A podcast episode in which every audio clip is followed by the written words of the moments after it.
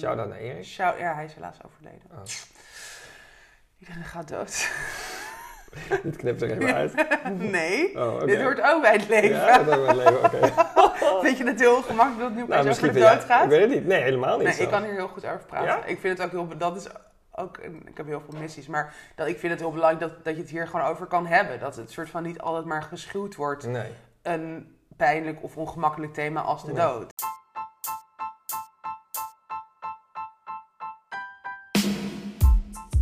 Welkom bij de 16e aflevering van de podcast Dit leer je niet op school. Mijn naam is Maarten Esburg en een korte intro van dit gesprek eh, in deze aflevering is eigenlijk lastig te maken als praktisch het hele pure rauwe leven dat wij leven in anderhalf uur voorbij komt. Ehm, multidisciplinair verhalenmaker Tatjana Almouli nodigde me uit op haar logeeradres in Amsterdam-Noord voor een kop thee, appeltaart en een, eh, gesprek waarvan eh, ik uiteindelijk niks mocht knippen. Want waarom zouden we alles eh, eh, dat, dat we maken polijsten, color graden en fine-tunen. We mogen allemaal het echte leven wel wat meer laten zien. Nou, ga lekker luisteren naar het, ge- naar het gesprek dat ik had met eh, Tatjana Omoli. Heel veel plezier.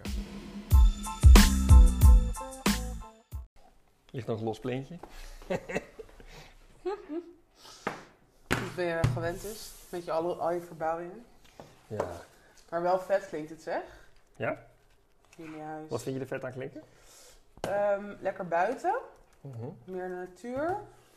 Nou, en dus, het- ja, ik heb het natuurlijk niet gezien, maar een soort oude boerderijen. Die vibes. Met veel hout en zo, of niet? Heel Ja, dat lijkt me echt fantastisch. Ja. Spantjes aan het plafond, dat werk. Te gek. Jammer dat je het niet allemaal hebt geïnstagramd. Nee, dat klopt. Dat is echt een gemiste kans. Ja? Mensen smullen daarvan. Ja, dat weet ik. Ja. Waaronder ik. Maar als jij plaatjes wil zien, of als je het wil zien, Ja, ik wil het straks wel eh, zien hoor.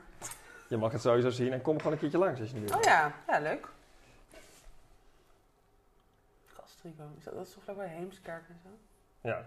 Daar had ik een oude school. Die woonde echt in het bos tussen Castricum en Heemskerk in. Dat is echt zo'n anti-kraakhuis, maar ook, ook volgens mij een soort oude... nou, misschien niet echt boerderij, boerderij, maar wel zo aan de rand van de duinen. En ook alles hout en eigenlijk een beetje afstands, maar wel heel, heel veel charme. ja, Dat is wat je wil. dat is wat je wil, ja. En wij hebben altijd een soort, hoe noem dat, een soort ehm, link gehad, of eigenlijk een drang gehad om in een huis te wonen met een ziel. Hmm.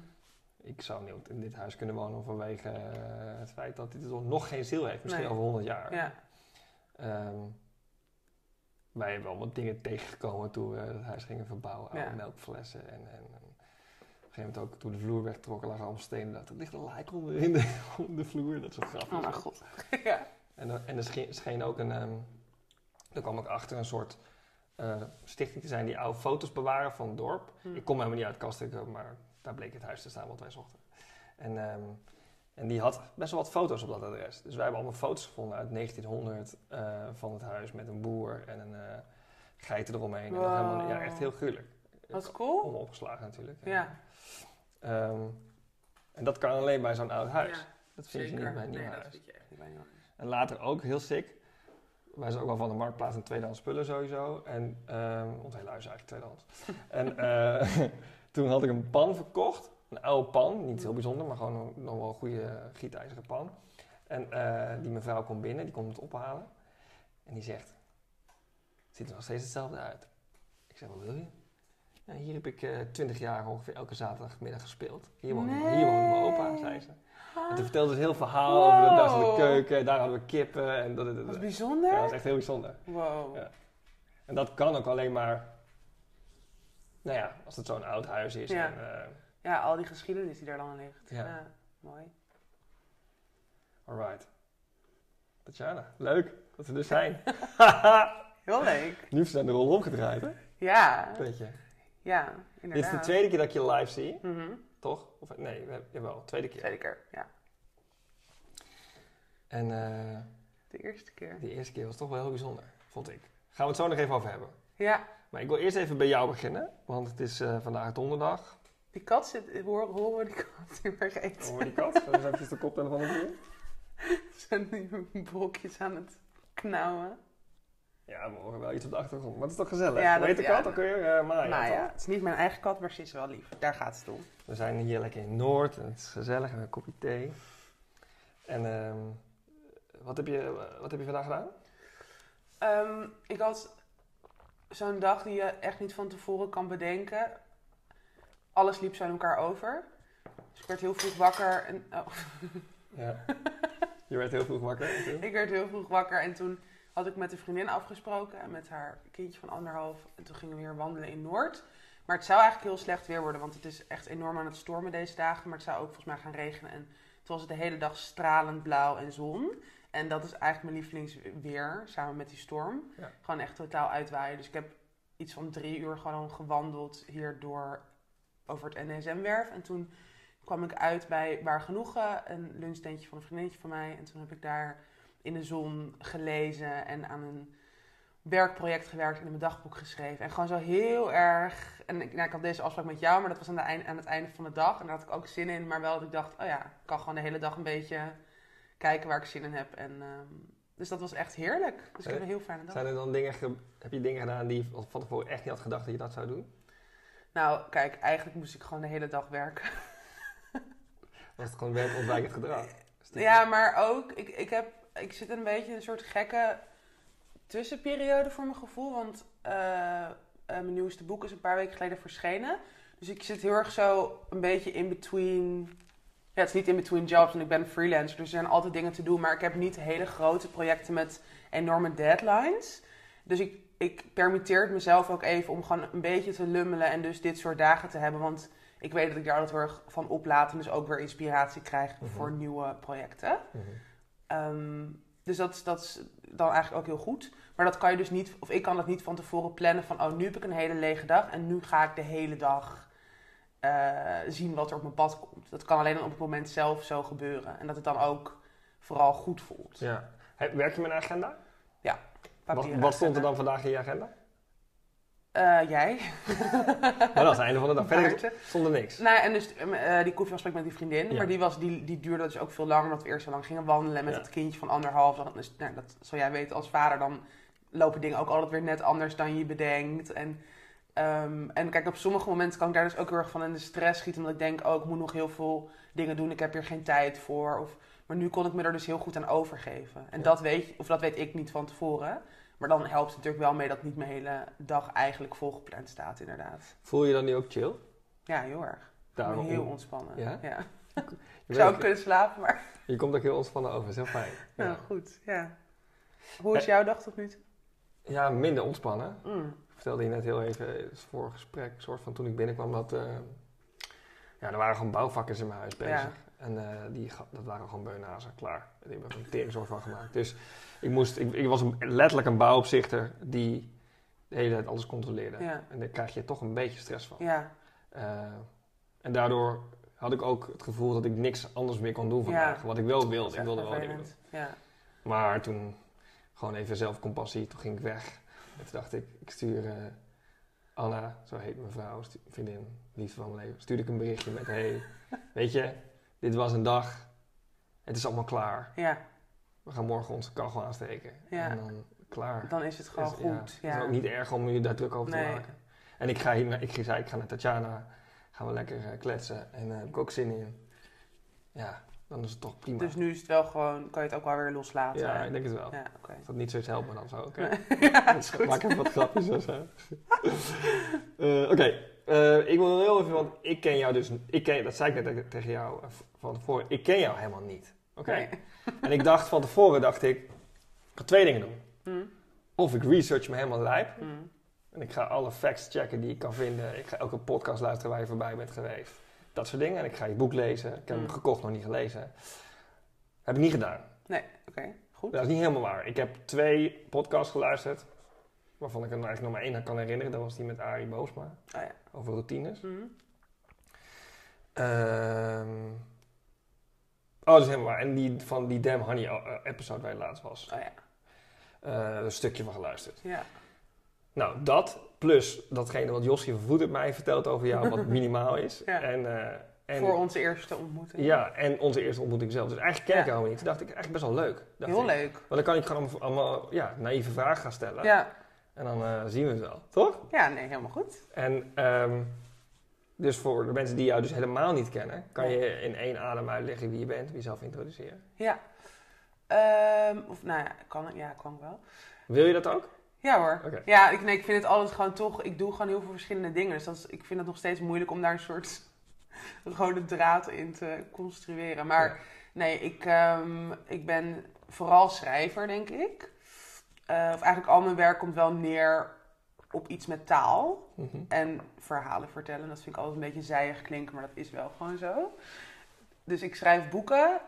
ehm, en ik schrijf ook artikelen voor verschillende tijdschriften en platforms. Maar ik ben ook fotograaf, dus dat is dan beeldtaal. Ehm, en ik ben eigenlijk sinds ik met dit werk bezig ben gegaan, sinds mijn eerste boek is verschenen drie jaar geleden, ben ik ook spreker soort geworden. Dat- is er een beetje bij komen kijken, maar dat is nu ja, ook wel echt. eh, Hoe uitziet dat? nou, dat ik word geboekt als spreker op verschillende evenementen en congressen. En eigenlijk echt over heel uiteenlopende thema's. Ehm, dus over zelfbeeld en lichaamsbeeld. Of over hoe we meer inclusie en diversiteit kunnen bereiken in bijvoorbeeld de media. Maar eigenlijk gewoon op alle belangrijke plekken in de maatschappij. Ehm, maar ik heb dan nu een boek geschreven over rouw en over trauma en, en nou ja, complexe familiebanden eigenlijk. En dan Mhm. word ik daar ook weer voor gevraagd. Dus dat is echt nu ook bijna de helft van mijn werkleven bestaat uit praten over dit soort topics op dat soort plekken. Betaald, dus. Je Zeker betaald. Ja. ik doe niks onbetaald. Oké. Nou, nee, dat is niet waar. Nee, nee, dat is niet waar. Maar vooral, eh, ja, nee, ja, als ik er gewoon echt veel voorbereidingstijd in moet steken. En eh, ik ben gewoon heel perfectionistisch. Ik wil het dan ook echt goed doen. Dan moet ik, ja, wil ik daar wel iets voor terugzien. Ja. Oké, dat is interessant. Ik wil, daar wil ik straks meer over weten. Eh, Helemaal omdat we allebei in een soort zelf, soort situatie zitten. We zijn allebei Ja. ondernemers, zou je Ja, kunnen zeggen. Of ja. ZZP'er. We hebben Mhm. geen personeel, maar we factureren gewoon. Ik Zeker. ben heel benieuwd hoe dat bij jou werkt straks. Mm. Maar heel even iets anders over jezelf. Want inderdaad, wat jij net zegt, hey, dat, zo ken ik jou een beetje. Maar wat is dan het meest voorkomende misverstand? Wat, wat denken mensen altijd dat jij bent, maar wat jij helemaal niet bent? Of wat plak- plakken ze op jou wat gewoon compleet niet klopt? Wat hoor je vaak? Ehm, nou, oh, dit vind ik wel een interessante vraag. Nou, wat, wat, kijk, wat er bij mij ook een beetje is gebeurd, is dat ik eh, best wel een platform op social media, ja, ik wil zeggen heb gecreëerd, maar ja, nou, ik heb het wel gecreëerd, maar niet echt bewust. Dus dat is eigenlijk ook heel erg met het verschijnen van mijn eerste boek en ehm, een beetje de aftermath daarvan gekomen. Dat, volgens mij toen mijn eerste boek verscheen, had ik nou, 1300 volgers of zo. En nu, drie jaar later, heb ik er volgens mij bijna 19.000. Dus dat is wel heel erg gegroeid. En wat. eh, en ik zit dan ook in een soort. Ja, ik, moet daar niet om lachen, maar ja, in een soort feministische bubbel. En dat is natuurlijk alles rondom feminisme en, en inclusiviteit, diversiteit. Dat is nu natuurlijk best wel hot. Waardoor je dus heel snel in een soort positie ook wordt geduwd van, oh ja, feministische influencer. En ik weet, ik weet gewoon nog niet zo goed wat ik daarvan vind. ja, Wat, als, iemand dat, als iemand jou zo noemt nu, wat, wat voel je dan? ja, wel een beetje walging. Walging. Ja. Wat, wat Maar dat- wal- waar walg je dan van? Nou, kijk, ik vind gewoon de term influencer heel moeilijk, maar dat, dat is ook niet helemaal eerlijk, want het is ook de connotatie die anderen daaraan verbonden hebben, wat misschien ook helemaal niet per se klopt. Maar hoe ik zelf gewoon ook een influencer zag, of ook nog ja, deels dan misschien nog zie, is dus iemand die eh, geld verdient met iets aanprijzen op sociale media. Oh, ik sla jouw laptop. Altijd heel druk met mijn handen bewegen. Ehm, nee, die iets aanprijst op sociale media en die er dus voor betaald krijgt. En eh, het beeld natuurlijk veel mensen hebben, en dat heb ik zelf ook heel erg lang gehad, is dat het ja, misschien niet de meest intelligente of integere mensen zijn.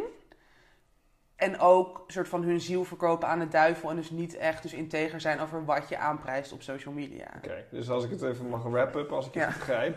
Dus je zegt, oké, influencer. Fe- feministische in- influencer, zei je, weet je? Ja, nee, in die hoek In die, wel. in die bubbel zit je. Ja, Dat zijn vaak dan, of als je, zegt, als je kijkt naar influencers, zijn dat mensen die dus dingen aanprijzen voor andere mensen en eh, waar weinig integriteit in zit. ja, of, ja dat, dat, dat bevraag ik dus in Dat ieder geval heel erg bij ja. anderen. Ja. Alleen, ik ben dat dus zelf nu ook voor een deel gaan doen. ja. En dat, Bewust of onbewust? Ehm, nou, natuurlijk. Kijk, ik ben er niet zelf achteraan gegaan. Maar ja, ik doe het natuurlijk bewust. Ik ben er zelf bij. En ik krijg ervoor betaald. Dus ik maak natuurlijk wel die keuze om dat wel of niet te doen. En ik doe het heel vaak niet, omdat ik dus niet, echt niet achter een product sta. Of, of dus vind dat het eh, veel te weinig betaalt. Ik denk, ja, ik Want wil... is, kan een, is, is een influencer alleen iemand die productjes, eh, product placement, product pla- pro- pro- Product placement. thank you very much, eh, doet? Of, of doet, ik bedoel, ik, ik weet het ook niet hè, ik vraag het aan jou. Nou ja, dat is natuurlijk hoe het in ieder geval is ontstaan. En ik denk wel dat je. Dus daarom, ik hoop heel erg dat ook, ook die term influence. Of niet alleen de term, maar gewoon wat het is. Dat dat misschien ook nu een nieuwe lading krijgt. Of, een nieuwe connotatie. Of in ieder geval dat er gewoon. Dat het opengebroken wordt. Want er zijn natuurlijk ook heel veel mensen die er misschien niet aan verdienen. Maar die wel een heel positieve invloed hebben op anderen. En dat is natuurlijk ook influencing. Ja. Dus, maar ik, nou, ik merk Dus is het gewoon- gek als ik zeg dat, dat jij dat dat laatste wat je net zegt? Eh, Althans, hoe, Nou, het, dat, op, hoe het op dat mij vind overkomt. ik fijn. Ehm, ja, nee, nee, ja, nee dat, dat is natuurlijk wat, ja, Want ik denk dat, wat ik fijner vind om nou ja, te doen. volgens mij, want dat is hoe, hoe ik het zie. Ik weet niet of dat, nou ik ga gewoon zeggen hoe ik het zie. Ja, Is dat jij bent, wat jij net mooi zei, met een verhalen maken. Je maakt verhalen Mhm. op jouw manier. Mensen vinden jou om jouw verhalen, toch? ja, Ik bedoel, mijn vervolgvraag was, hoe word jij bijvoorbeeld gevraagd om ergens te spreken? Dat, je zei het al een beetje, dat komt een Ja. beetje omdat ik ergens over schrijf. ja, dat is Of waar. omdat ik ergens ja, iets over heb gezegd. ja, Dan Nee, ben je dat- dus ja. in feite toch mensen aan het beïnvloeden. ja, nee, dat is, dat is waar, Maar dan- ja. Maar dan niet bewust misschien om... om, om eh, Nee, misschien vind ik dat dus ook moeilijk dat nu die, die grens een beetje vervaagd wordt. Want dit is precies hoe ik het inderdaad in het begin deed en hoe het dus ook ging. mhm. Maar omdat dus mijn platform zo erg is gegroeid, en omdat ik dus nu ook wel door echt merken wordt gevraagd en daar dus ook betaald voor krijg om dan dus een post over iets te schrijven. Want natuurlijk, het, is niet, het komt niet helemaal vanuit mezelf. Want zij, het is al dat je die, dat samenwerkingsverband hebt, je weet dat je ervoor betaald krijgt en dan ga je iets bedenken. Ja. En ik kan wel zeggen dat ik echt niks doe wat ik niet aan mensen in mijn omgeving zou aanprijzen. Of dat, ja, nee, dat, dat zou ik gewoon niet doen. Maar toch, het is niet helemaal zuiver. Oké, dus je had 1300 volgers toen je begon, way back. Nu heb je er 19.000, noem maar wat. Ja, Nu word je gebenaderd. Ze kijken gewoon naar... ja wel, 19.000 wel al wat eerder. Maar het- ik, kijk, ik, ik kan er, ik verdien er nu gewoon best wel goed geld mee. Ja.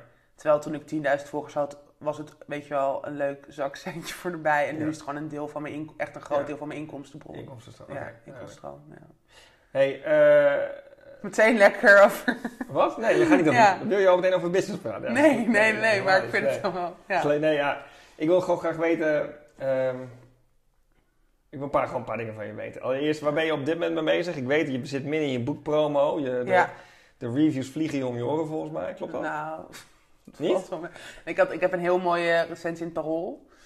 eh, waar ik heel blij mee ben. Want mijn vorige boek eh, eh, werd niet gerecenseerd. Omdat het was literaire non-fictie, maar echt een soort memoires. En daar brandden blijkbaar recensenten hun vingers eigenlijk gewoon niet aan. Dat is dan te persoonlijk. Daar kan je dan niet echt iets zeggen over de waarde van hoe het geschreven is.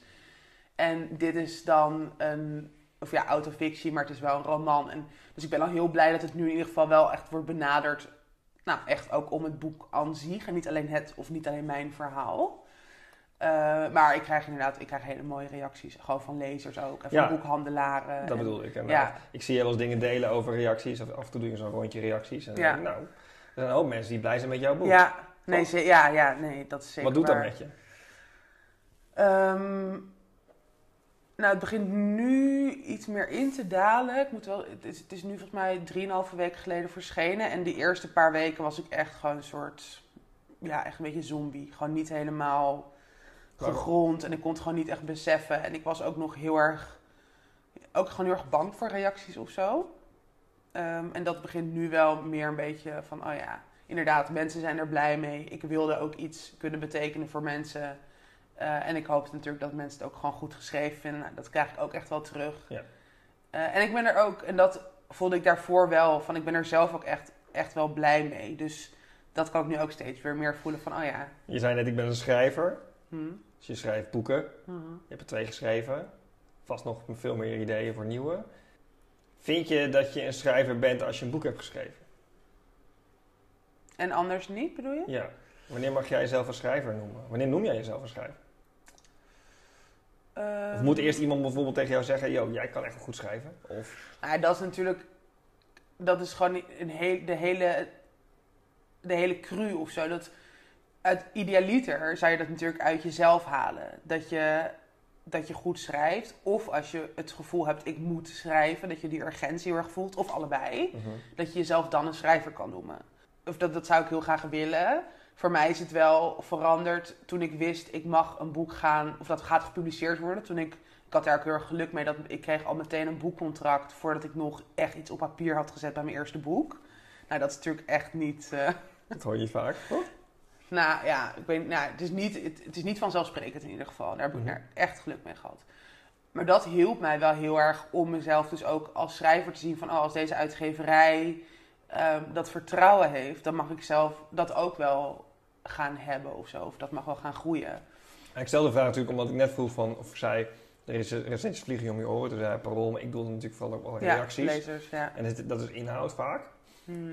En af en toe zegt iemand, oké, of heb je het mooi geschreven? Ja. Wat, wat doet meer met jou? Dat iemand zegt, eh, wat heb je fijne pen en eh, dat? Of Ja.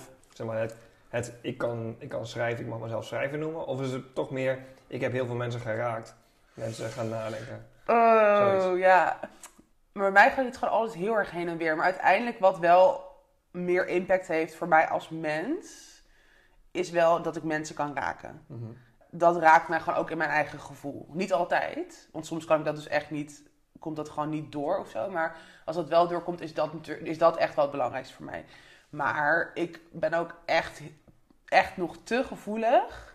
voor een soort van externe bevestiging... of dus eh, ja, worden toegelaten in een soort in die literaire wereld. Of dat ik dat dus toch echt wel heel graag wil. Ja, je wil net boekenbal straks. Nou, daar ben ik al geweest.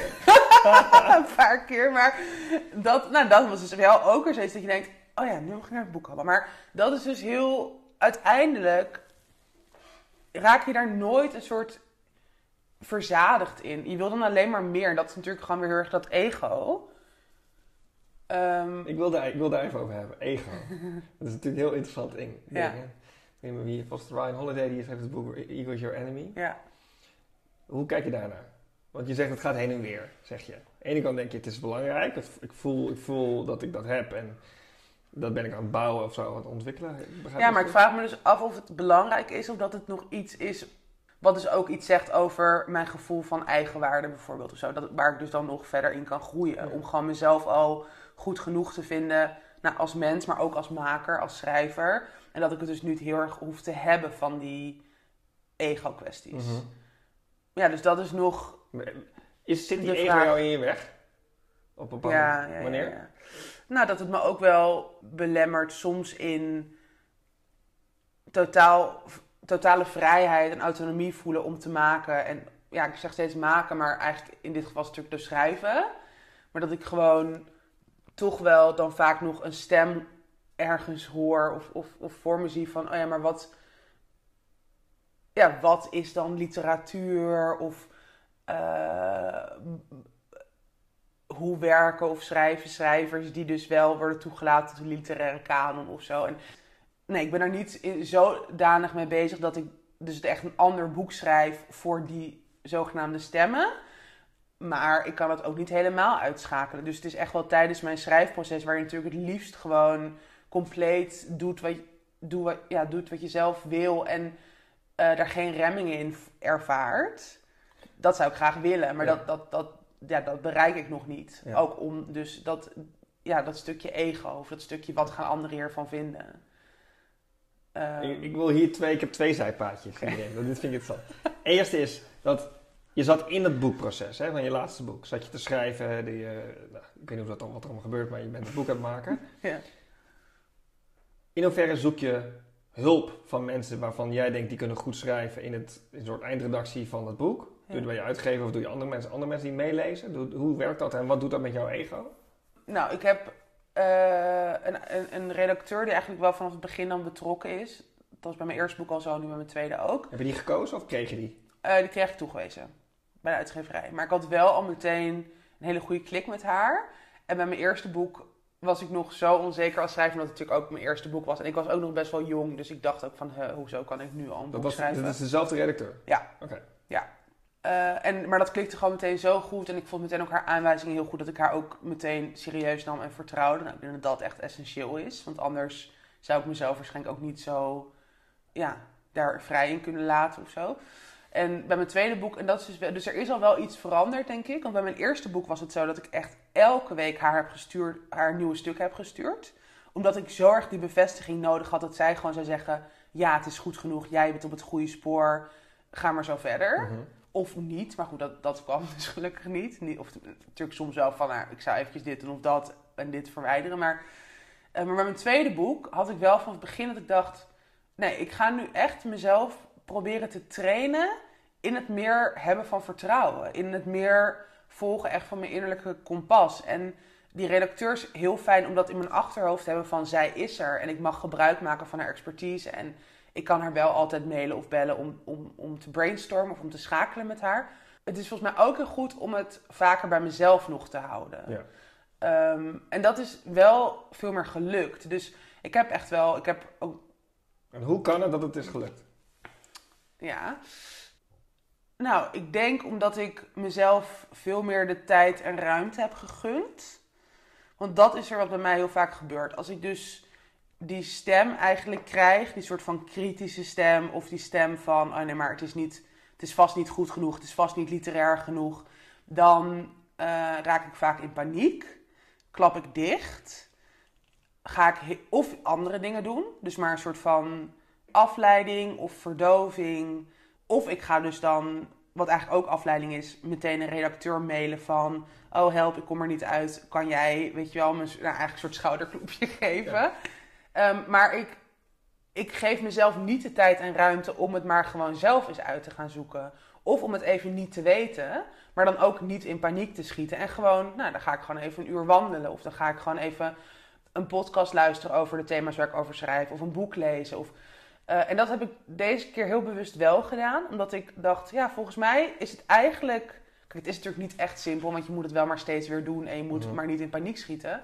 Maar voor mij gaat het dus wel echt om dat. Gewoon, eh, nee, ik ga haar nu eventjes een maand niet mailen. En ik ga gewoon een maand kijken hoe ik eruit ga komen zelf. En dat is ook heel vaak met totale frustratie en paniek geweest. Dat ik echt gewoon in mijn werkkamertje aan het janken was. Of gewoon echt... Nou, ik had op een gegeven moment eh, allemaal research voor een boek. Oude dagboeken van mijn moeder. Wat nou, best intens was. Ja. Nou ging ik gewoon die dagboeken door de kamer heen gooien. Als ik Ja. gewoon echt even niet wist dat ik het gewoon moest zoeken. Maar uiteindelijk kwam het wel altijd weer goed. Of ik kwam er altijd wel weer uit. En dan soms inderdaad dat ik twee weken dat schrijven gewoon niet lukte. Maar ja, dan waren er genoeg andere dingen die me wel weer inspiratie of voeding gaven. En op een gegeven moment lukte het dan weer wel. En als je dat natuurlijk... Ik heb volgens mij iets langer dan twee jaar gedaan, al met al over dit boek. Als je dat natuurlijk gewoon maanden achter elkaar dan steeds weer ervaart van... Oh ja, ik kom er wel doorheen, het lukt me wel, ik vind een manier. Dan geeft dat gewoon wel dat vertrouwen wat je natuurlijk nodig hebt. Ja, ik hoor echt wel duidelijk een soort ontwikkeling in, in, in, het, in dit geval dan het maken van... Tatjana maakt verhalen door middel van een boek. Eerste boek, tweede boek, hoe je het hebt gedaan. Daar heb je Ja, les uitgetrokken, heb je jezelf ja totaal. Te gek te horen. Nu ga ik brug leggen naar die andere vraag die ik had, het andere lijntje. Ja. Namelijk, dat ego-verhaal. Toen jou ontmoette Hm. in het Frankenaupark bij Merkelbach, waar jij mij op de Ja. foto ging zetten. Toen dacht ik, na een paar minuten dacht ik, hoe krijgt zij het voor elkaar om iets, in dat geval jij ging mij portretteren, ik, ik heb een hekel aan geportretteerd worden, Mhm. ik, ik sta liever zelf achter de camera, Mhm.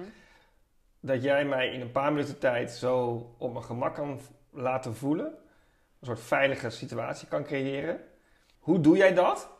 Hoe past dat binnen het maken van verhalen van Tatjana, in dit geval dan door de, door de lens heen, eh, bij jouw ego? Hm. Speelt je ego hier een rol in? Of helemaal niet? Heeft het te maken met vooral de dynamiek van jouw content gebruiker, namelijk ik? Ik ben degene die, eh, je, je bent met mij in dialoog, je hebt een, eh, er is een dynamiek tussen mij en jou Ja. op dat moment. Ik vond het, nou, dus, dus ik wil leren nu van jou, in het kader van wat heb ik niet op school geleerd, dit wil ik van jou leren. Ja. Misschien kun je het wel niet uitleggen, ik weet niet, gaan we achterkomen. Maar ja. Kan je daar eens even Iets over. iets over vertellen? Ik vond het bijzonder. Ja. Ja, Ehm, nou, ik heb er natuurlijk ook wel over nagedacht, omdat jij dat eigenlijk volgens mij al best wel snel terugkoppelde, dit. We hebben daar natuurlijk toen ook over gehad, toen die foto's eenmaal waren gemaakt. En ik, nou, ik denk dat het met verschillende dingen te maken heeft. In eerste instantie, ik weet, nog, ik weet het ook echt nog heel goed, want jij was best wel laat. En jij kwam echt heel arrogant eraan lopen. Je had echt een zonnebril op. En je, had, je was gewoon heel soort kort af. En gewoon heel erg. En het is heel grappig, want nou, inderdaad, we kennen elkaar nog helemaal niet heel goed. Maar alles wat ik daarna van jou heb gezien is gewoon echt heel open en enthousiast en vrolijk. Nou, dat, daar was echt niks van te bekennen in die eerste indruk.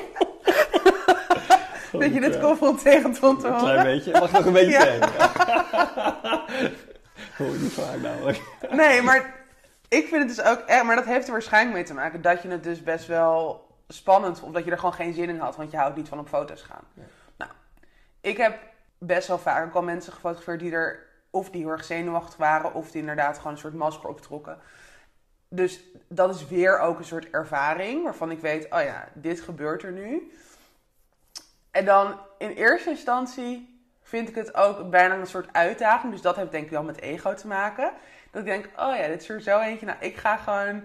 Ik zie het dan bijna als, ja, echt als een uitdaging of een soort van spel... om dan iemand te laten ontdooien. Of om dan gewoon iemand wel leuk op de foto te krijgen. Nou, dus daar begint het mee. Had je dat meteen toen je mij zag? Dacht Ja. je, dit wordt een game. Ja. Wauw. Oké, en toen? Maar- Wat deed je toen? Nou ja, en dat is dus iets.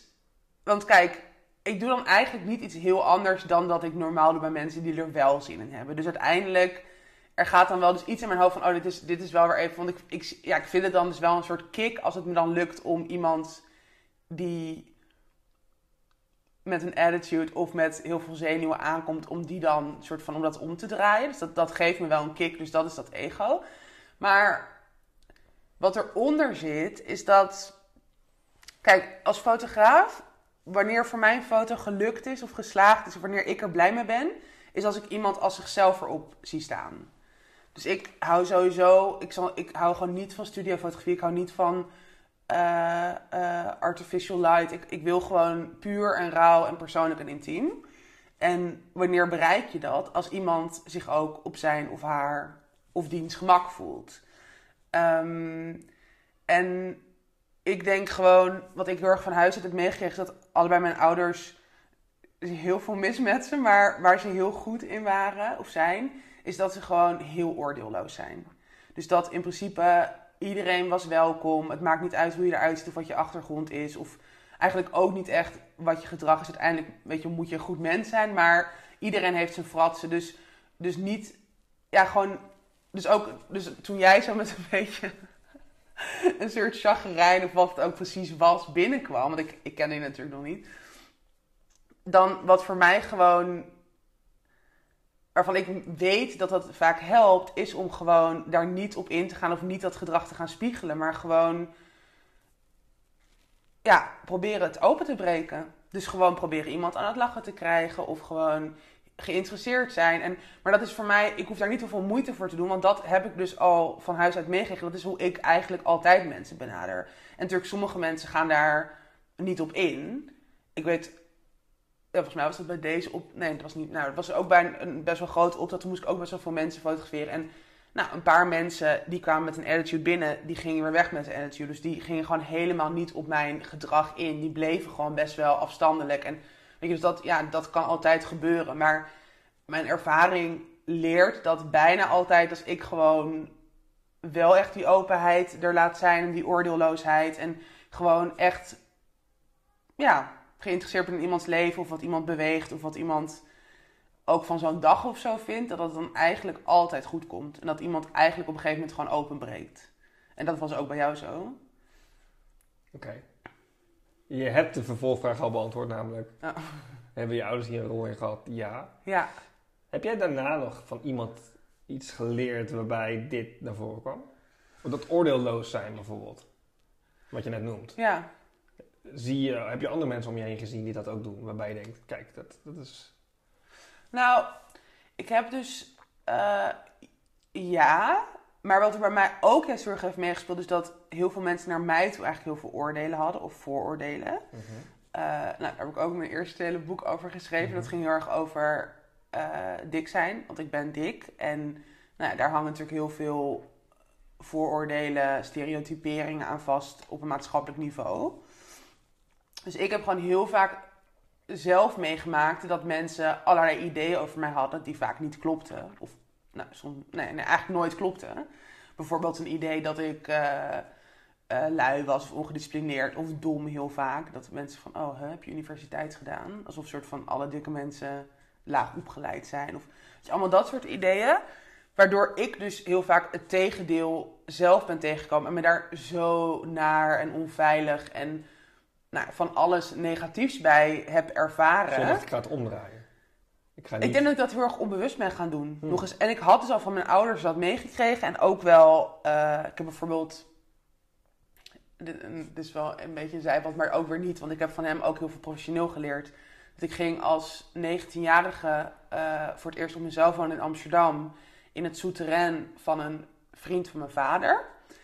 Uh, en hij was fotograaf. En door hem ben ik eigenlijk fotograaf geworden. Ik heb voor hem een jaar als personal assistant gewerkt. Um, en hij was, soort, hij was filmvertaler, maar maakte ook documentaires en was straatfotograaf. En hij was echt super, echt super grappig type en best wel kleine man. Hij was toen begin 50. Uh, hij had dus altijd een soort gek Russisch hoedje op en leren jas. Uh, altijd een camera om zijn nek. Fietste door de binnenstad van Amsterdam. We woonden toen op de Wallen. Met zo'n soort fluitje. En nou, gewoon echt een soort komisch figuur. En hij ging dus iedereen die hij interessant vond vastleggen. Maar maakte er ook altijd contact mee. En daar zit eigenlijk precies weer dat, diezelfde houding in. Van gewoon openheid, een grap maken, een praatje maken, uh, complimenten geven. En, maar wel op een oprechte manier. Dus mensen, weet je, je had gewoon echt bij hem ook het gevoel dat hij je zag. Dat hij gewoon alles wilde weten. Ja, wat je wilde vertellen. Dat, dat is precies wat ik zo bijzonder vond aan jou. Want jij bent daar betaald voor een klus. Je bent daar in opdracht ben je fotootjes aan het maken. Ja. In dit geval van mij. Ja. Die, fo die foto die jij maakt, daar heb jij niet echt belang bij, zeg maar. Want je bent, althans misschien wel, maar in eerste instantie is de opdrachtgever degene die belang heeft bij die foto. Dus jij moet gewoon leveren, even heel plat gezegd. Ja, ja maar daar heb, ik, daar heb ik dus wel ook belang bij. Ja, je hebt belang bij dat je goed levert. Ja. Maar tegelijkertijd schiet jij die foto en die foto is voor iemand anders, niet voor jezelf. Nee, dat is waar. Ja. Dus um, ik kan me zo voorstellen dat als je een boek schrijft of je, je post iets op Instagram of, weet je wel, of je, je maakt iets, mm -hmm. even super breed, mm -hmm. dat, dat je dat kan doen. Dat is hoe ik vaak vergelijk met mensen met wie ik werk. Is je mens, weet je, de, in opdracht versus autonomie. Zeg ja. maar. Niet dat je in opdracht niet autonoom kan zijn, dat natuurlijk, kan natuurlijk wel. Maar ja. even heel plat gezegd uh, hoe je het kan verdelen. Bij jou kreeg ik het gevoel dat uh, dat jij die foto wilde. Ja. Snap je? Jij wilde die foto maken. Net als die, die vriend van je vader waar je, ja. wat je net omschreef. Ja. Die ging op pad omdat hij foto's wilde. Maar... Ja, maar weet je wat bij mij dus wel uh, zo is? Is dat ik... En ik ben ook in de positie dat ik dat dus kan. Maar ik wil eigenlijk geen werk doen waar ik zelf niet blij van word. Dus als ik denk, oh, ik vind dit geen interessante opdrachtgever of ik vind dit geen, dit lijken me geen leuke mensen waar ik dan mee moet werken. Want ik moest deze, ik moest twee dagen of twee dagdelen moest ik met mensen optrekken, inderdaad via Foodhub. En ik ga dan echt wel best wel research doen van, oké, maar wat voor club is dit? Natuurlijk ook al van tevoren overleggen van, oké, wat voor stijl foto's willen. Dus als, als dat eigenlijk totaal niet bij mijn stijl zou passen, als ik daar heel veel moeite voor zou moeten doen of mijn allerlei bocht zou moeten wringen, of als ik zou denken deze mensen passen niet bij mij, had ik waarschijnlijk niet gedaan. Ook al, ja, ook al zouden ze heel veel geld bieden. Dat is gewoon, ik, er moet iets zijn in al het werk dat ik doe, of elke opdrachtgever waar ik mee samenwerk, waarvan ik denk, oh ja, hier heb ik, hier heb ik in potentie zin in. Ja, dus dit is een soort rode draad, een soort principe misschien wel. Ja. Dat gewoon door al je werk heen gaat. Dus niet alleen maar Nee, alles is ook inderdaad, precies, als dus ook, ook dus wat ik net zei over die, als ik een Instagram samenwerking doe, dan is dat ook alles waar ik in principe achter sta. En, waar ik in, en natuurlijk, kijk, sommige dagen heb je gewoon geen zin om te werken, dus dan kan het van alles zijn. En dan heb je gewoon geen zin of whatever. Maar eh, in het beginsel moet ik gewoon echt een volmondige ja voelen. En dan ga ik het pas doen. Dus ik denk dat daar ook wel heel veel eh, in zit, waardoor het dus eigenlijk altijd, of bijna altijd, echt ook autonoom voelt. En dat ik ook echt oprecht zelf ook echt blij wil zijn met bijvoorbeeld zo'n foto of met een tekst. En niet alleen omdat dan mijn opdrachtgever blij is, maar ook omdat ik zelf gewoon daar dus dan ook energie van krijg. En ook denk van ja, dit is gewoon echt iets vets. Ik ben echt heel blij dat ik dit heb gemaakt. Omdat ik dit heb ook mogen maken of zo. Wat vond je ervan toen ik dat tegen jou zei? Dat, dat ik dat zo bijzonder vond jou, hoe jij dat deed. Wat deed dat met jou? Ehm, nou, ik, ja, ik voel, ik voel me wel vereerd. Ik, omdat, ik dus, dus niet heel erg soort van bewust... ehm, ik bedoel, kan er wel... Toen ik er dus over naging, denk ik, kan ik het dan wel best wel goed plaatsen. Maar het is niet een bewuste strategie van... Oh, ik bedenk dit allemaal, dan ga ik het zo doen en dan is dit de uitkomst. Eh, dus ik vind, ik vind het dan gewoon altijd heel leuk om te horen. Maar eh, omdat het al voor mij zo logisch voelt, is het ook niet heel erg. Ja, in die zin heb ik het dus niet per se nodig voor mijn ego. Omdat het al, het voelt al heel kloppend. En dan, natuurlijk ben ik heel blij als, als jij of als een opdrachtgever dat ook voelt. Dat is natuurlijk, dan is het gewoon helemaal rond. Maar eh, in die zin heb ik dat dan niet echt nodig om, dan, om, om me dan pas een goede fotograaf of een goede maker te vinden. Oké. Stel dat een jonge maker dit hoort, wat zijn discipline ook is. Ja. Wat is dan de les die je hieruit moet trekken? Ehm, ja, toch niet bang zijn om echt je eigen autonome keuzes te maken. En, eh, en, maar dat vind ik dus wel moeilijk met. Ik ben nu gewoon best wel in een soort, in die zin, in een luxe positie. En dat kan je natuurlijk niet bedenken hoe dat gaat per se. Daar, je hebt, natuurlijk zijn er wel wat dingen van, van invloed, maar dat is ook, is ook gewoon geluk en timing. En, maar dat ik dus nu echt wel de keuzes kan maken om echt eigenlijk alleen maar te doen wat ik echt heel graag wil.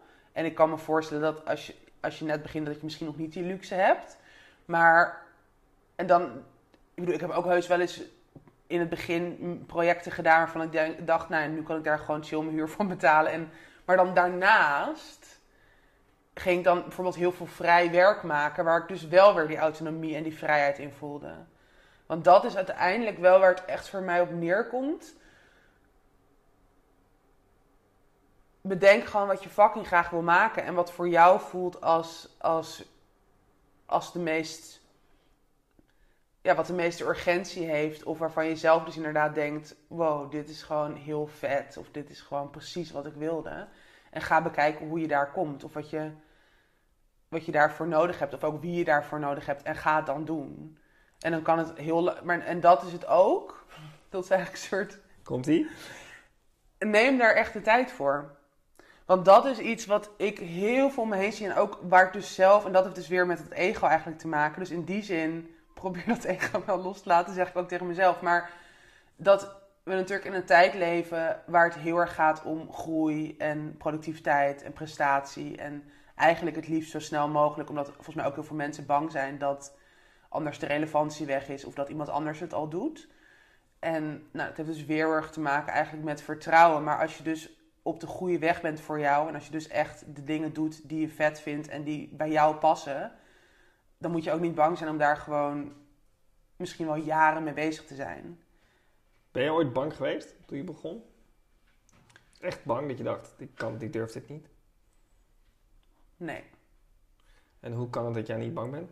Ik ben zeker wel bang, maar niet, niet dus. ehm, niet fundamenteel. Ik ben voor heel veel dingen bang. Waar ben je bang voor? Ehm, Wat is je grootste angst? Mijn grootste angst is dat. Die kattenbak. Dat die kattenbak? Nee, mijn grootste angst is dat het. En dat is, dat is dan weer zo. groot, maar ehm, ja, dat, dat ik niet goed genoeg ben. Of dat ik, dat ik toch wat ik maak, dat het gewoon niet duurzaam is. Dat het gewoon, ja, dan toch heel snel gaat stoppen of zo. Maar Want dat zou betekenen dat het niet goed is? Stel dat morgen niemand meer je boek koopt, is, dan, is dat dan de bevestiging daarvoor? nee, maar dat maakt het dus wel moeilijker om. ehm, nee, dat maakt het moeilijker, maar dat betekent inderdaad niet dat het niet goed is. Ja, dit, dit is dus, maar dit is precies dat waar ik de hele toch tussen schipper wel van, oké, ja, uiteindelijk, ik geloof echt dat, en dat voel ik dus gelukkig steeds vaker, dat het uiteindelijk er echt om gaat wat ik zelf vind en wat ik zelf wil en daar trouw aan zijn.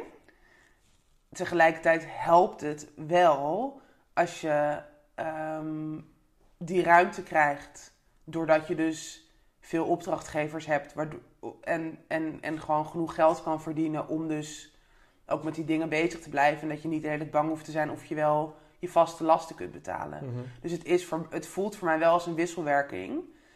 Ehm, maar, ik, nee, maar ik denk dus dat het niet per se gaat dat het niet goed is, maar voor mezelf niet goed genoeg. Dus dat ik. ehm,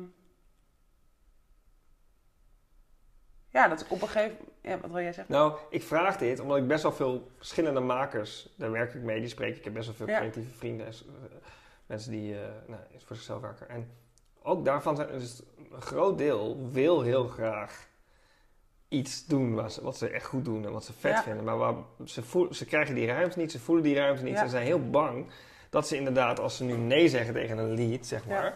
dat ze dan de huur niet kunnen betalen. Ja. En ik heb best wel een sterke mening over hoe je dat kan, hoe je, dat, hoe je, die situatie, hoe je jezelf in die situatie kan manoeuvreren en er dus ook uit kan komen. Maar ik ben heel benieuwd hoe jij dat doet. Want Ehm, jij, je zegt net geluk, timing noemde je. Dat is belangrijk. Hard werken. hard werken is ook belangrijk. Het is een combinatie, denk ik, van dingen. Ja, maar het is toch wel, want Wat nog meer? Want even bijvoorbeeld, ik, ik maak even een bruggetje. ja, Hoe doe jij zaken? ik heb sinds kort een agent. Dat helpt. Maar nee, wat, eigenlijk, wat doet hij? nou, vooral financiële onderhandeling. Dat doe je dus niet zelf. Dus als een of ander merk morgen jou belt, of je appt jou. Ja. maar dat is wel pas sinds twee maanden, dus daarvoor ik niet het wel echt zelf. Oké, Ehm, maar je hebt niet voor niets een agent of een agent. nee, maar dat was omdat ik dus... Kijk, ik vind het op zich... Eerst was ik heel slecht in onderhandelen. Toen zet ik altijd te laag in. En dan was het ook meteen dat dus merken of, of ook dat gewoon op journalistiek opdrachtgevers altijd zeiden... Ja, oké, is goed. Dat ik ja, als mensen zo snel oké, is goed zeggen... dan betekent dat ik Money veel on the hoger kan zitten. Precies. Ehm, en ik... Nou, oh, ik werd gewoon steeds feministischer. En ik dacht, ja, eh, vrouwen krijgen al altijd onderbetaald. Nou, dan ga ik gewoon altijd hoog inzetten. Dan maar beter te hoog. Mhm. Eh, dan, dan leren ze ook maar eens een keertje dat je vrouw gewoon... Maar, maar dit, wat je nu Ja, zegt, Ja, dit, dit bedenk jij toch? ja. En dat is precies. En ja, maar natuurlijk wel gevoed door eh, dingen die ik online lees of gesprekken die ik met andere mensen om me heen voer. Maar het is wel, ik, Heb jij wel eens een, een keer gehad dat je een e-mailtje stuurde met eh, iemand vroeg jou voor iets dat je zegt, weet ik veel, dat kost je 5k, ik noem maar wat, ja, hoog bedrag. ja, Dat je dacht, ik zeg, dit hoge bedrag. ja, heel vaak. En Ja? Ik raak dan best wel vaak in paniek. Ja? En dan soms hoor ik ook, nee, dat is veel te hoog. Ehm, en soms hoor ik, ja, is goed. Dus dat is ook, maar dat moest ik dus ook, en dat, het gaat voor mij gewoon heel vaak om zoveel mogelijk ervaringen vergaren eigenlijk. Dat is net zoals met wat ik net zei over dat boekproces wat dus heel erg was veranderd. Doordat ik dan, weet ik veel, vijf of tien van die ervaringen heb, waar dus dan, nou, meestal is het dan 50-50. De helft zegt, oké, is goed. En de helft zegt, nee, het moet lager. Maar dan wordt het meestal alsnog een veel hoger bedrag als waar we in het begin op inzetten, of waar zij op inzetten. Dat ik gewoon leer van, oh ja, uiteindelijk, het komt altijd wel goed. En ik kan altijd dan ook nog zeggen van, nee, dan niet. Of ja, dan wel. En dus dat is eigenlijk weer, geef ik mezelf daar soort tijd en ruimte in. En weer van, oh, het hoeft niet allemaal meteen nu worden geregeld of nu een bedrag afgesproken. Of ook als ik nu een keer, want soms loop ik dus nu ook een paar duizend euro mis. Omdat ik dan heel erg bij mezelf naar binnen ga. Dus daar heeft het voor mij ook weer mee te maken dat, je, dat ik echt naar mezelf luister van, is dit een volmondige ja? En dat heeft dus ook met geld te maken, maar vooral met, vind ik het het waard of past het genoeg bij me om dit nu te gaan doen? Ja of nee. Nou, ja, jammer, dan mis ik nu inderdaad 3K die ik had kunnen krijgen, maar dan had ik er niet helemaal achter gestaan. Zo so be it. Er komt wel weer iets nieuws waar ik wel helemaal achter sta. En dat vertrouwen, dat komt dus bij mij vooral met ervaring, maar ook met mezelf waardig genoeg vinden. En ook, en dat bedoel ik dus met die, uiteindelijk is het niet een fundamentele angst, want deep down onder heb ik het gevoel, ik ben op de goede weg. En ik, heb, ik herken trouwens wat jij net zegt over, ik heb zelf ook best wel lang in loondienst gezeten. Ook tijdens het schrijven van mijn eerste boek werkte ik zelf ook bij een hele, nou, bij een kleine uitgeverij. Ehm, en toen stond ik ook heel erg op een soort crossroad van oké, ik heb gewoon een prima salaris, prima kans hier. Ik zou hier nog heel lang kunnen werken.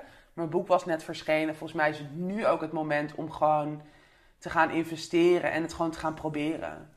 En dat, dat is ook nog, nog iets wat voor mij heel goed werkt. Van ook soms maar gewoon denken, ik zie het wel. En dus wel met dat vertrouwen van binnen, maar wel gewoon gezien van ja, kan altijd ook weer, ik vind vast wel weer een vaste baan. Maar als ik nu het gevoel heb van, dit is het momentum of ik wil heel graag deze weg inslaan. Ja, je weet het alleen maar of het werkt als je het gaat proberen. Ja, ja dat denk ik ook.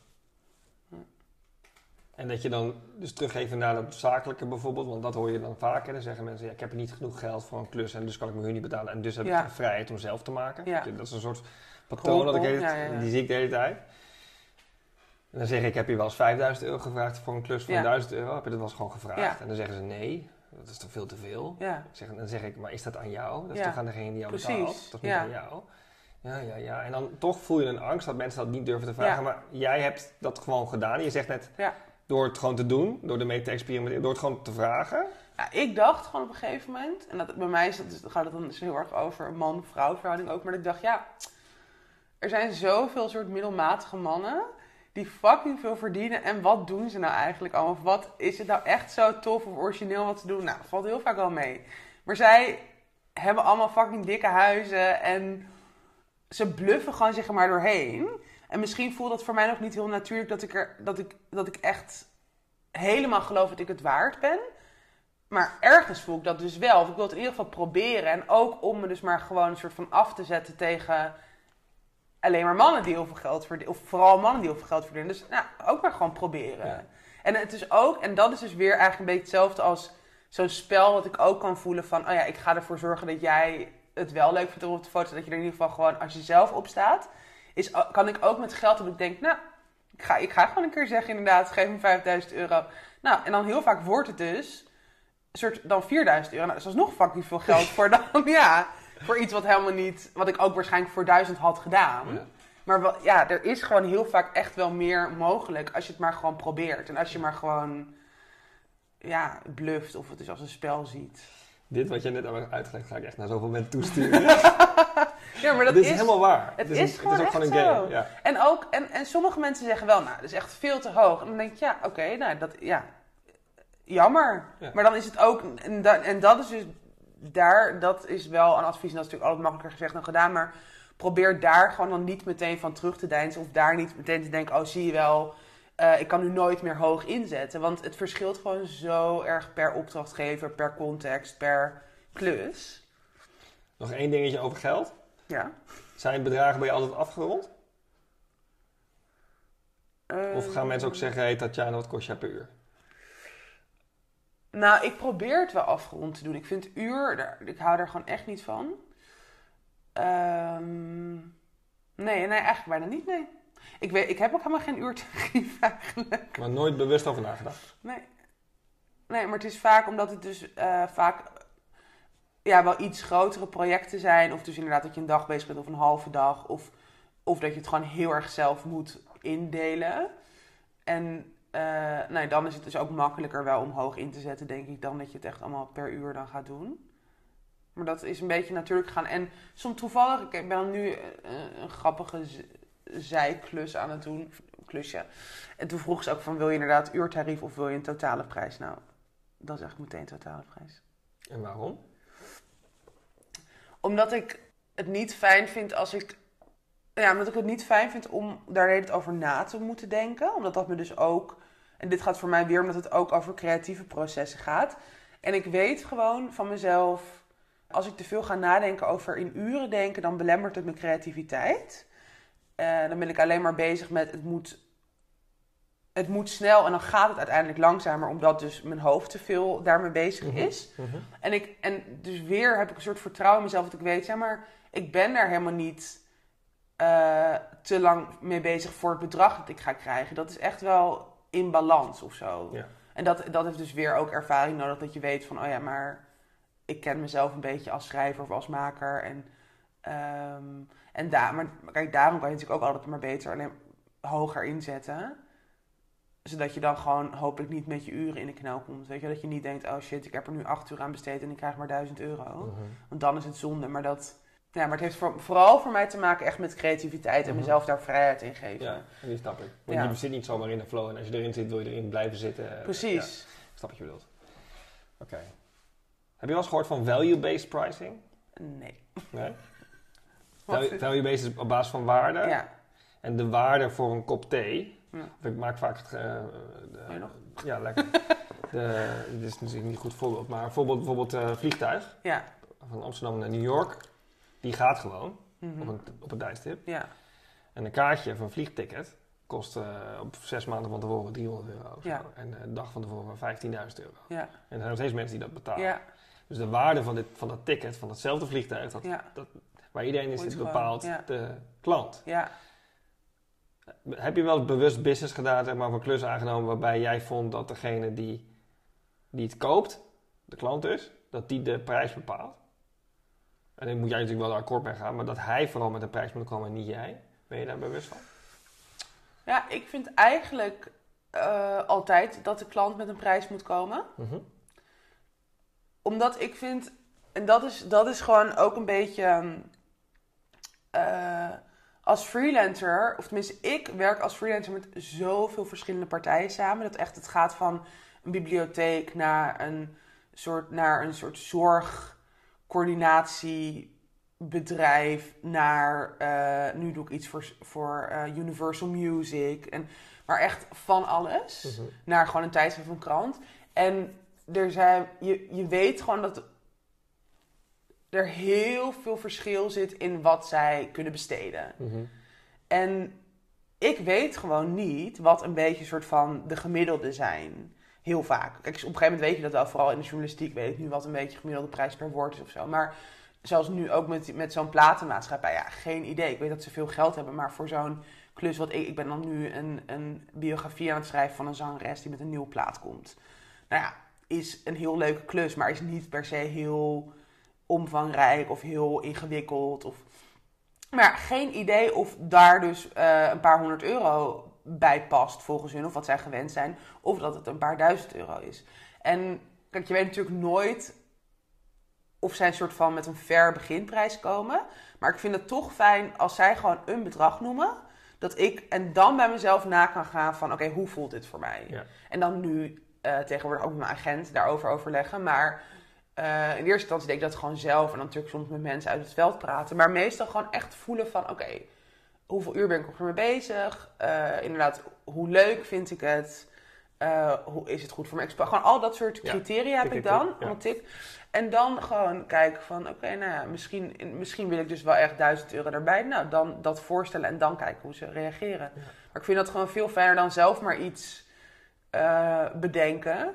Omdat je gewoon, ja, nee, dat, ik vind dat ook niet mijn verantwoordelijkheid. Nee. Zij willen mij, of zij benaderen mij. Dus dan eerst maar eventjes kijken wat zij dat waard vinden. En dan, ja, en dan wordt het dus weer dat spel.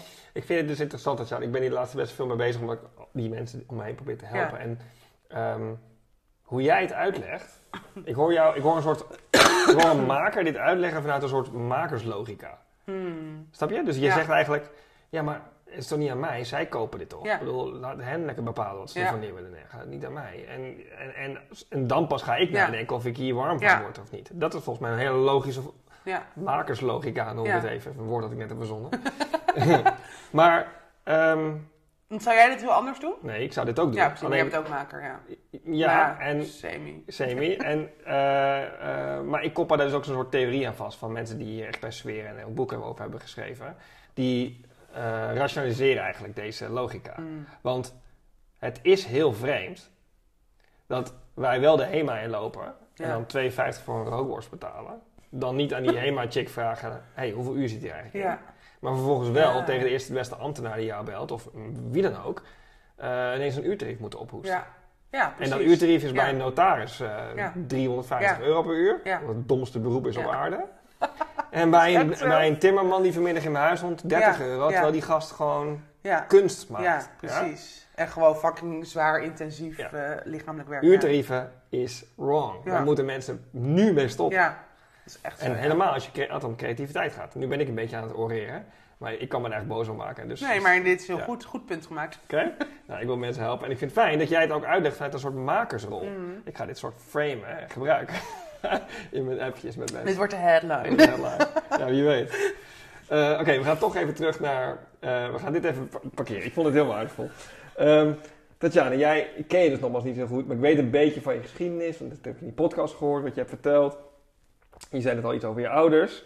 Ehm, stel je zou morgen je 15-jarige zelf tegenkomen. Hm. Wat zou je dan zeggen tegen, die, tegen Tatjana? Ehm, ja, ik denk dat het voor mij dus erg... Eigenlijk een beetje in het verlengde wat ik net zei over dat maken. Maar dat dan iets breder trekken van...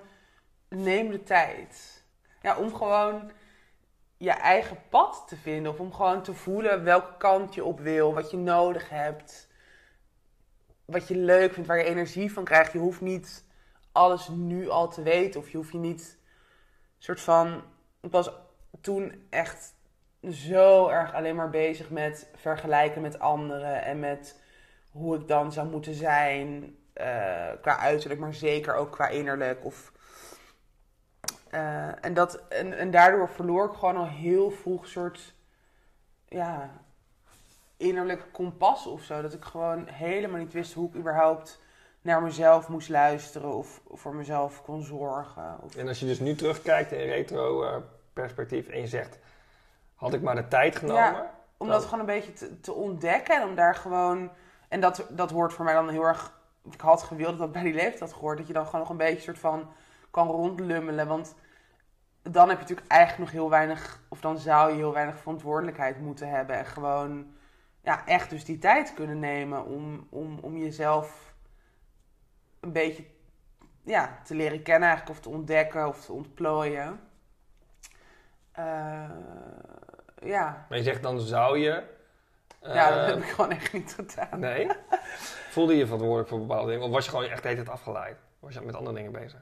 Nou, ik, eh, toen ik 15 was, toen werd mijn moeder ernstig ziek. Zij overleed toen ik 16 was.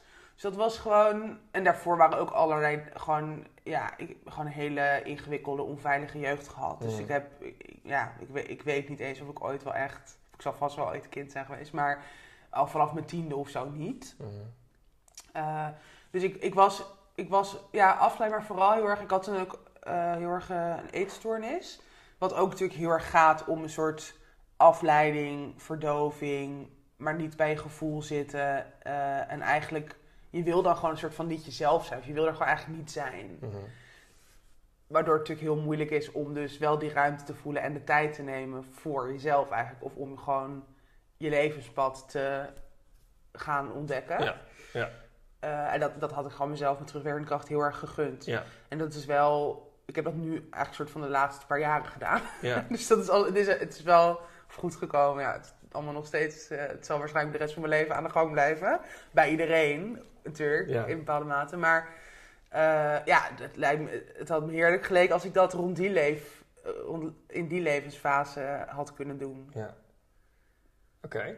Hey, en dan toen daarna hè, van alles gebeurd. Nu ben je, hoe oud ben je nu? 30. 30. Dus je bent 15 jaar verder. Er is een Ja. hoop gebeurd ook op, laten we zeggen, professioneel vlak. Ja. Je bent beter geworden in schrijven, bezig, nou, noem maar op. Mhm. Wie of wat heeft echt diepgaande invloed gehad op die ontwikkeling? Ja, van jou als maker. Wie zou je nog wel eens een keer, of wat zou je nog wel eens een keer willen bedanken? Nou, de allereerst is die, die Erik, die ik net al aanhaalde. Die, ehm, Shout-out naar Erik. shout- ja, hij is helaas overleden. Oh. Iedereen gaat dood. Dit knipt er even uit.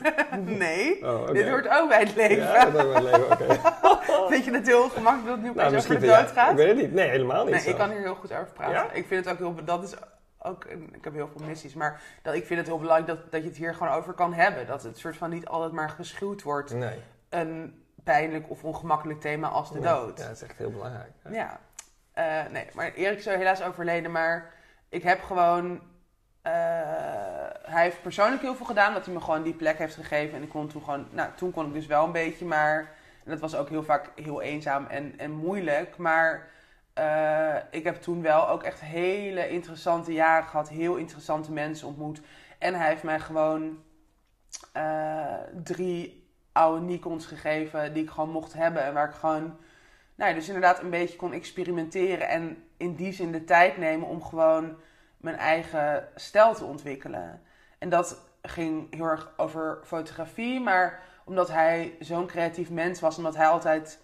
Hij woonde dus op de ouderzijds Voorburgwal, eh drie verdiepingen waar ik dus één van bewoonde. Maar op zijn bovenhuis waren altijd een soort van creatieve, extravagante parties met echt heel creatief Amsterdam. En nou, fantastisch. En, en iedereen deed, weet je, iemand was filmmaker, iemand was fotograaf, ander was schrijver. Dus er was gewoon zoveel leven en zoveel inspiratie eigenlijk, wat ik gewoon toen als 19, 20, 21-jarige meisje of vrouw van zo dichtbij meemaakte, dat dat gewoon mij toen heel erg heeft gevoed in, ehm, ja, ook on- ontdekken van, oh, dit wil ik ook. Of zo wil ik ook leven. Of ik wil maken. In die tijd ben je echt gevormd tot wat je nu bent, misschien? Ja, maker? dat, is- en daar is het echt wel, daar is het echt begonnen. Hmm. En ik, ik, heb, ik weet ook gewoon, ik heb daar toen ook zoveel al. Dus in die zin, waar je eigenlijk mee begon, van wanneer noem je jezelf schrijver? Toen ben ik mezelf echt op een gegeven moment schrijver. Of ik, ik, toen zei ik, ik wil, ik schrijf. Als mensen vroegen, wat doe je? Ik schrijf. En toen had ik nog geen eens een studie Nederlands gedaan. Of een, maar ik, ik schreef inderdaad fucking veel toen. Ik heb echt nog nooit zoveel geschreven als in die, die jaren. Is gewoon altijd, altijd opschrijfboekjes bij me. Korte verhalen, poëzie, eh, liedteksten. Gewoon Ja. altijd aan het creëren. Cool. En dus ook met die fotografie. Dus ehm, hij heeft een heel grote invloed ges- gespeeld. Ja? Heeft gehad. ja. Ja. En eh, Lina Dunham. Ja ik, ja, ik ben echt zo'n fan van haar. Ik ben echt nog nooit denk ik, van iemand zo fan geweest. Wanneer is dat Ik vind begonnen? fan is echt zo. eh, maar nou, Nee. dat is ook in die tijd begonnen, want toen ehm eh, kwam Girls uit Mhm. haar HBO-serie natuurlijk. En eh, dat past dus ook heel erg in die tijd waar ik dus ook ja, heel erg gevoed wilde worden. En dat is trouwens nog steeds wel zo, maar dat begon een beetje die jaren. En ik heb dat toen volgens mij ook echt meteen al, al die, die seizoenen kwamen natuurlijk toen per jaar, maar dan steeds als er een seizoen voorbij was, ging ik het gewoon meteen weer opnieuw kijken. Mhm. Ik vond dat zo vet gemaakt, omdat het voor het eerst was dat het gewoon. Dat ik een serie zag die niet zo gepolijst was. En waar mensen egoïstisch waren. En waar mensen ongemakkelijke seks hadden. En waar eh, je gewoon meer echte lichamen in beeld zag. In plaats van alleen maar eh, hele dunne actrices. Eh, ja. En. Ja, ik vond het gewoon zo goed gemaakt. En toen ben ik haar gewoon echt wel blijven volgen. En ook, nou, bijvoorbeeld, eigenlijk alles wat ze maakt vind ik gewoon vet. Dus ze is gewoon heel schaamteloos en heel puur en niet bang ook om op haar bek te gaan. Ze heeft echt wel best wel veel soort schandaaltjes gehad waar ze een soort van half werd gecanceld. Omdat ze iets doms zei wat seksistisch was en soms racistisch. En, eh, en ook dus heel vaak dat ik ook dacht, ja, dit is fucking dom dat je dit zegt. Of heel, je denkt hier gewoon niet over na. Alleen, het is ook menselijk. En dat, ja, de vraag was inderdaad hoe, wie of wat heeft invloed gehad. Je noemt Erik op en je noemt daarna Lina op. ja. Maar wat daarvan zie je bijvoorbeeld, zouden wij nu aan jou terug kunnen zien? Nou, ik denk dat ik ook wel heel erg ga voor een soort menselijkheid. En wat dat voor mij betekent, is dus een soort ongepolijstheid. Dat heel vaak dingen onaf zijn of nog niet helemaal te duiden zijn, ongemakkelijk zijn. Ik weet het ook gewoon heel vaak niet. bij, volgens mij allebei mijn boeken zijn een soort van half geëindigd met, nou, ik weet het gewoon eigenlijk niet. En dan iets mooier opgeschreven. Succes. Ja, succes ermee. Nee, maar dat is wel, ik bedoel, Ah, toch alles wat je bedenkt in je leven. Het zijn allemaal processen die nog soort van half open liggen. En dan, dan denk je, oh ja, nu ben ik hier overheen. Of nu heb ik dit verwerkt. Of nu is dit klaar. En dan een paar maanden later ga je, weet je wel, gebeurt er iets waarvan je denkt, oh nee, shit, hier zit nog heel veel. En eh, dat vind ik dus in haar werk terugkomen. Ik denk dat dat bij mij dus ook wel, dat ik dat zo erg herken. Dat ik zo erg dacht van, ja, fuck it, dit moeten zoveel meer mensen gewoon laten zien. Die soort kwetsbaarheid en die ehm, eh, ja, open, dat, dat openbreken. En niet de hele tijd doen alsof alles goed gaat. En alsof je alles op orde hebt. En alsof je precies weet welke kant je op gaat. Dat is gewoon bullshit. Dat is bijna niemand heeft alles altijd together. Ja. Dus waarom doen, houden we dat hoog? Ja. Ja, maar- ja, wat je zegt, we zijn toch ook gewoon mensen of zo. En dan waarom moet er inderdaad, waarom moet, die, waarom moet er een color grading over zo'n serie heen? Ja. Waarom? Precies, en waarom moet alles politiek correct... Ja, ik bedoel, ik kan ook heel boos worden op eh, fucking Johan Derksen die heel seksistische opmerkingen maakt. Alleen, ik maak soms ook seksistische opmerkingen als ik gewoon met vriendinnen ben en ik objectiveer een hotte guy. Ja, dat, en dat, maar en ik vind nog steeds dat je dan als Johan Derksen of whoever een rol, een, een eh, verantwoordelijkheid hebt, want je komt op tv, je krijgt die zendruimte, er zijn heel veel andere stemmen die gehoord mogen worden. Mhm. 100% mee eens, daar sta ik ook echt voor. Mhm. Maar goed, iedereen maakt wel eens een kut opmerking. Of iedereen maakt wel eens een platte opmerking. Dat hele dan meteen gecanceld worden of zo. Ik vind dat, daar heb ik dan toch moeite mee. Ik denk, ja, nee, maar we blijven wel mensen. En zeker moeten er consequenties voor heel veel mensen komen die te vaak dat soort opmerkingen maken. Of weet je, wel, maar ehm, er zit best wel vaak, is het gewoon niet zo zwart-wit. En dat, nou, dat bedoel ik dus met die menselijkheid. Van, Ja. ja. oog houden voor verschillende nuances en voor Ja. niet alles op één berg, op één hoop gooien. Heb je wel eens een, eh, social media post verwijderd van jezelf? Dat je dacht, Ongetwijfeld, maar. eh, nee, nee, nee, nee, voor mij niet. Nou, of wel eens dat ik dan iets gewoon niet. Maar dat was dus meer dan een, een leuk vakantieketje, maar niet een soort statement wat ik maakte en dat ik dat heb verwijderd. Ik heb wel eens wat nog extra genuanceerd. Nog best wel recent. ja. Terwijl het opeens een soort viral post dat heel heftig was. En waar ik toen toch wel dacht, oh ja, dit is nu... eh, nu ben ik ook bijna zelf iemand aan het cancelen. Ja. Terwijl het, daar niet, het gaat niet om die ene persoon.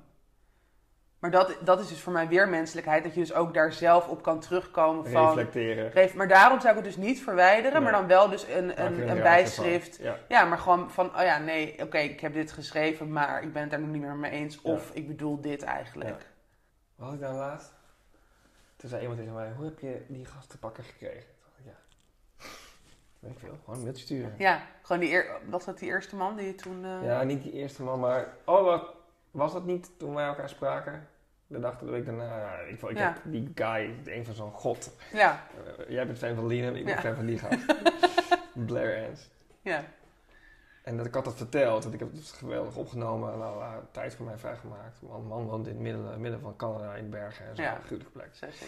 En eh, maandagochtend 7 uur zijn tijd ging hij helemaal naar de studio, ging hij met, met, met mij bellen. En ik dacht, ja, vier kinderen, die gaan zo lang wakker. Het is toch leuk om even met een, met een fanboy van Ja, je te bellen. Ja. toch- ik zou dat ook doen als ik Ja. hem was. Ja, Weet je, ik ging mezelf even verplaatsen. En terwijl al die mensen die om, om mij heen hoorden van, ja, heb jij hem gesproken? ja, Hoe heb je dat gedaan? Ik zei, weet ik veel, gewoon een mailtje sturen en een vraag stellen. En, en, en, en, ik denk dat dat een beetje de kern is. Waarom, zou je, waarom zouden we allemaal zo spastisch moeten doen om... Omdat die persoon een of andere grotere guy is Ja. of zo? Ik snap dat niet zo goed. Nee, maar het is, het is, en dat heeft denk ik ook weer te maken dat jij dus... ehm, dat hij dat misschien dus ook niet gewend is, omdat heel veel mensen wel een soort spastisch doen. En dat hij denkt, oh, dit is verfrissend. Want inderdaad, jij stelt je gewoon op een open manier waarschijnlijk op. Je bent gewoon oprecht geïnteresseerd. Ja. Je wil echt... En dat, en dat is dus nog steeds moeilijk in deze wereld. Heel, of hoe zeg je dat? Dan spreek je er dus ook weer uit. Omdat mensen zijn het gewoon niet heel erg gewend. Nee. Nee. Maar ik merk dus een soort, daarom zie ik een soort parallel of een soort eh, eh, verbinding of zo. Van jij draait het om met, hé, hey, waarom moeten we alles zo polijsten? Waarom moeten we alles zo, eh, ja, zo veroordelen en mogen we niet gewoon zeggen wat we vinden. En ook gewoon zelf kwe- vooral kwetsbaarheid, Ja, kwetsbaarheid dat tonen. ja, ja. Weet je wel, we weten het ook niet. Het geeft niet. We're all on the same planet, weet je wel, dat verhaal. En dan denk ik, ja... Dus is er ook geen reden dat er een soort kloof ontstaat tussen mensen of zo. In Nee, principe. precies. Dus je kan, Ja, je kan nog steeds iemand ja, over een gewoon benaderen, benaderen, ja, ja. precies. Ja, dat vind ik leuk. Ja. We gaan afronden, Tatjana. Oké. Goed? Ja. Ja, ik vind het te gezellig, maar ik zit aan de klok te kijken en denk, mijn kinderen moeten eten. Ja, Nee, tuurlijk. dat is niet waar. Ik wil, dat is geregeld, maar ik wil wel Arme graag kindertjes. ik wil wel eens graag. Oké, eh, Brene Brown, ken je haar? Ja. Fan? Ehm, ik, heb me nog, ik heb me dus nog niet heel erg in haar werk verdiept, omdat dat, Dat gaat over kwetsbaarheid. nee, dat weet ik. Ja. Alleen ik ben, dan, ik ben dus dan bang om teleurgesteld te worden, omdat, het dan- dan, eh, omdat je haar overal ziet en over haar hoort. Mhm. Dat ik denk, oh ja, maar ik wil, ik wil dan ook haar fantastisch vinden, maar ja, omdat ze dan al zo groot is, ben ik dan dus bang dat ik daar teleurgesteld in raak Ja, of zo. zou kunnen. Maar goed, ik, ik weet Ja, je moet is. helemaal niks, Ik hè, heb, nee, maar ik heb wel citaat van haar gelezen en het is natuurlijk gewoon... Ongelooflijk. Ja, waarheid als een koe. Nou ja, ja, over, want dat is, ook daar zie ik, ik noem haar nu over, omdat ik wil gewoon een soort rapid fire doen wat zij ook doet. Ja. De, de Brene Brown doet, ehm, doet ook een beetje wat jij doet. Hm. Die zegt ook gewoon meteen waar het op staat. En weet je, zij heeft bijvoorbeeld Dolly Parton geïnterviewd. Dat Oh, was haar, was haar, eh, daar was zij fangirl Ja. van. En in de intro gaat ze helemaal stuiten van ik ga Dolly Parton Ja? te spreken. En daarna spreken ze elkaar en dan, en dan Ja. is het gewoon twee dames Ja. die praten over het leven.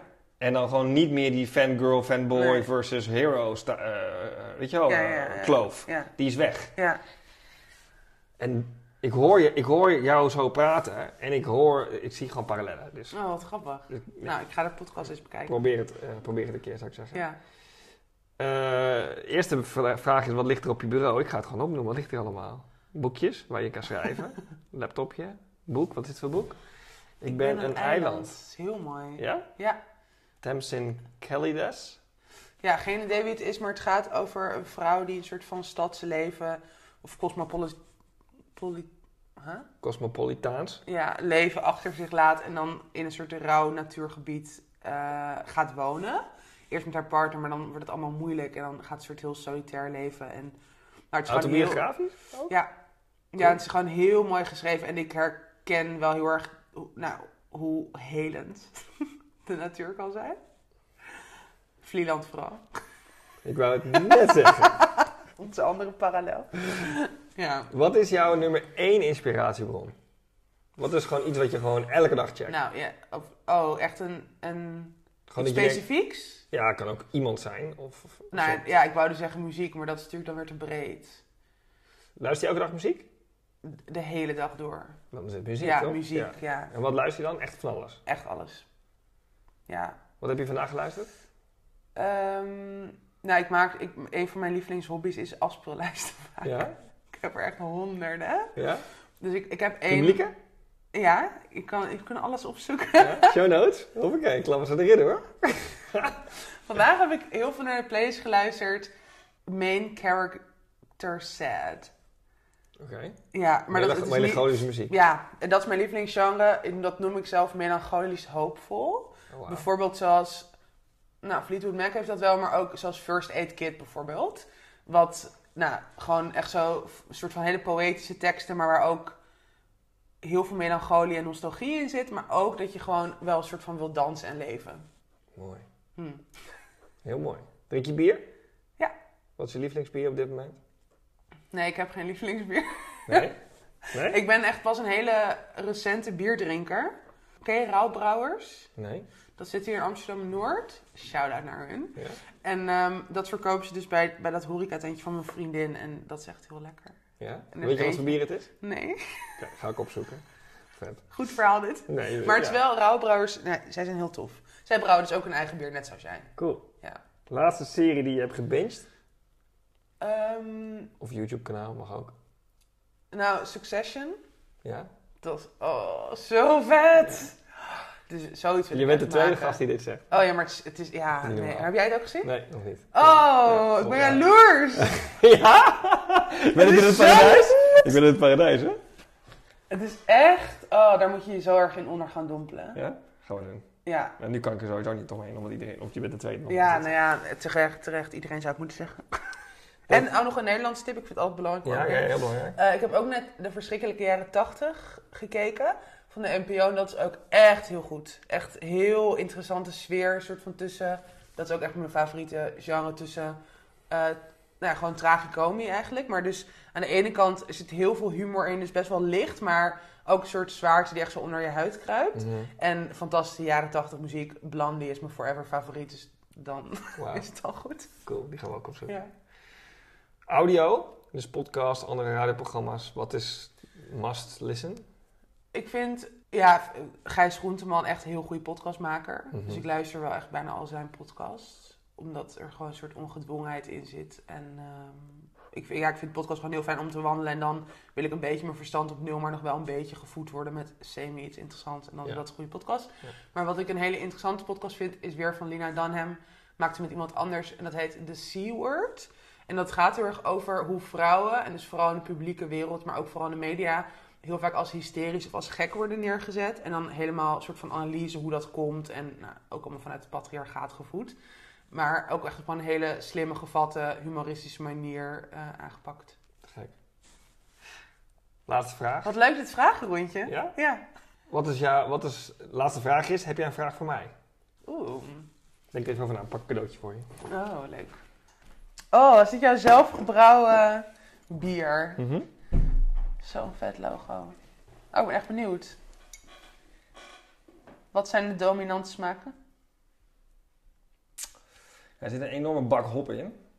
In deze. Nee. En eh, er zit, eh, ja, het is heel fruitig. Dus er knallen een Mm. soort eh, guava, Oh, ananas, ananas Dat zo. is echt mijn lief. Want Ja? dat bier waar ik net over had, dat heeft een beetje een soort lychee smaak. Oh ja, Maar het is ook inderdaad heel fruitig. Vind ik ook echt heel lekker. ja. Nou, volgens mij ga Het is ik een het echt... New England IPA. En je hebt in Amerika, daar komt die IPA eigenlijk vandaan. Zegt de IPA wat? Ja, niet? ja. Je hebt zeg maar West Coast, East Coast. Mhm. West Coast is een beetje, dat noemen ze piney. Dus een beetje alsof je door het bos loopt. Zeg Ja. maar gewoon eh, een beetje Vlieland. eh, ja, ja. Vlieland. Ja. Ja. je loopt daar stortenmelk af en dan ruik je die dennennaalden. Dat is de West Coast. Oeh, was ik daar maar nu. Ja. Ik ga het volgende Waarom keer hebben we niet op Vlieland opgenomen? Ja, ja. Oh, ik heb, nou, Helemaal boos. ja. en East Coast, Oh, je hebt al met je vriend opgenomen. Ja, in Vlieland Sorry, eh volgende keer gaan wij samen Vlieland Oké, opnemen. leuk. Eh, de- de- de- waar was ik? East Coast. East Coast. East Coast, daar, is dit, daar komt dit vandaan. Want daar zeiden ze, ja, het moet niet te, te bitter en te piney. Er moeten gewoon eh, Mexicaanse fruitknallers zijn, weet je wel. Dus, Oh, wat nice. dus daar hebben ze hop erin gegooid dat dat ermee, dat dat ermee doet. Het ziet er heel mooi uit. Ja. Al qua esthetische waarde wil ik het in mijn huis hebben. Ja, vind het cool? Ja, dus ik ga het waarschijnlijk voorlopig niet drinken, maar gewoon ergens neerzetten. Oké, cool. Maar Eh, goed. Mijn vraag. Ja. Waardoor was je het laatst geraakt?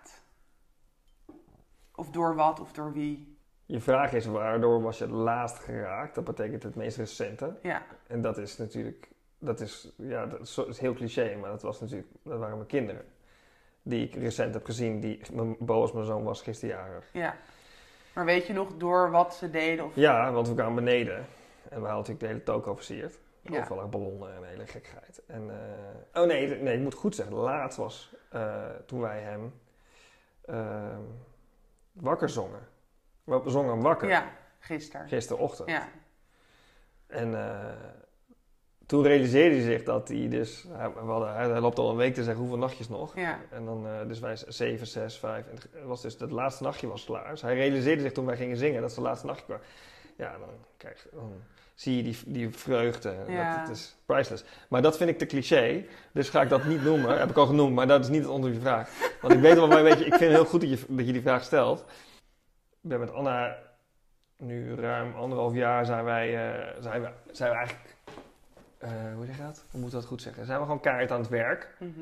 om, eh, om alles weer een beetje op de rit te krijgen. Ja. We zijn jonge ouders en, en voor onszelf begonnen en nou, corona en de hele rambam.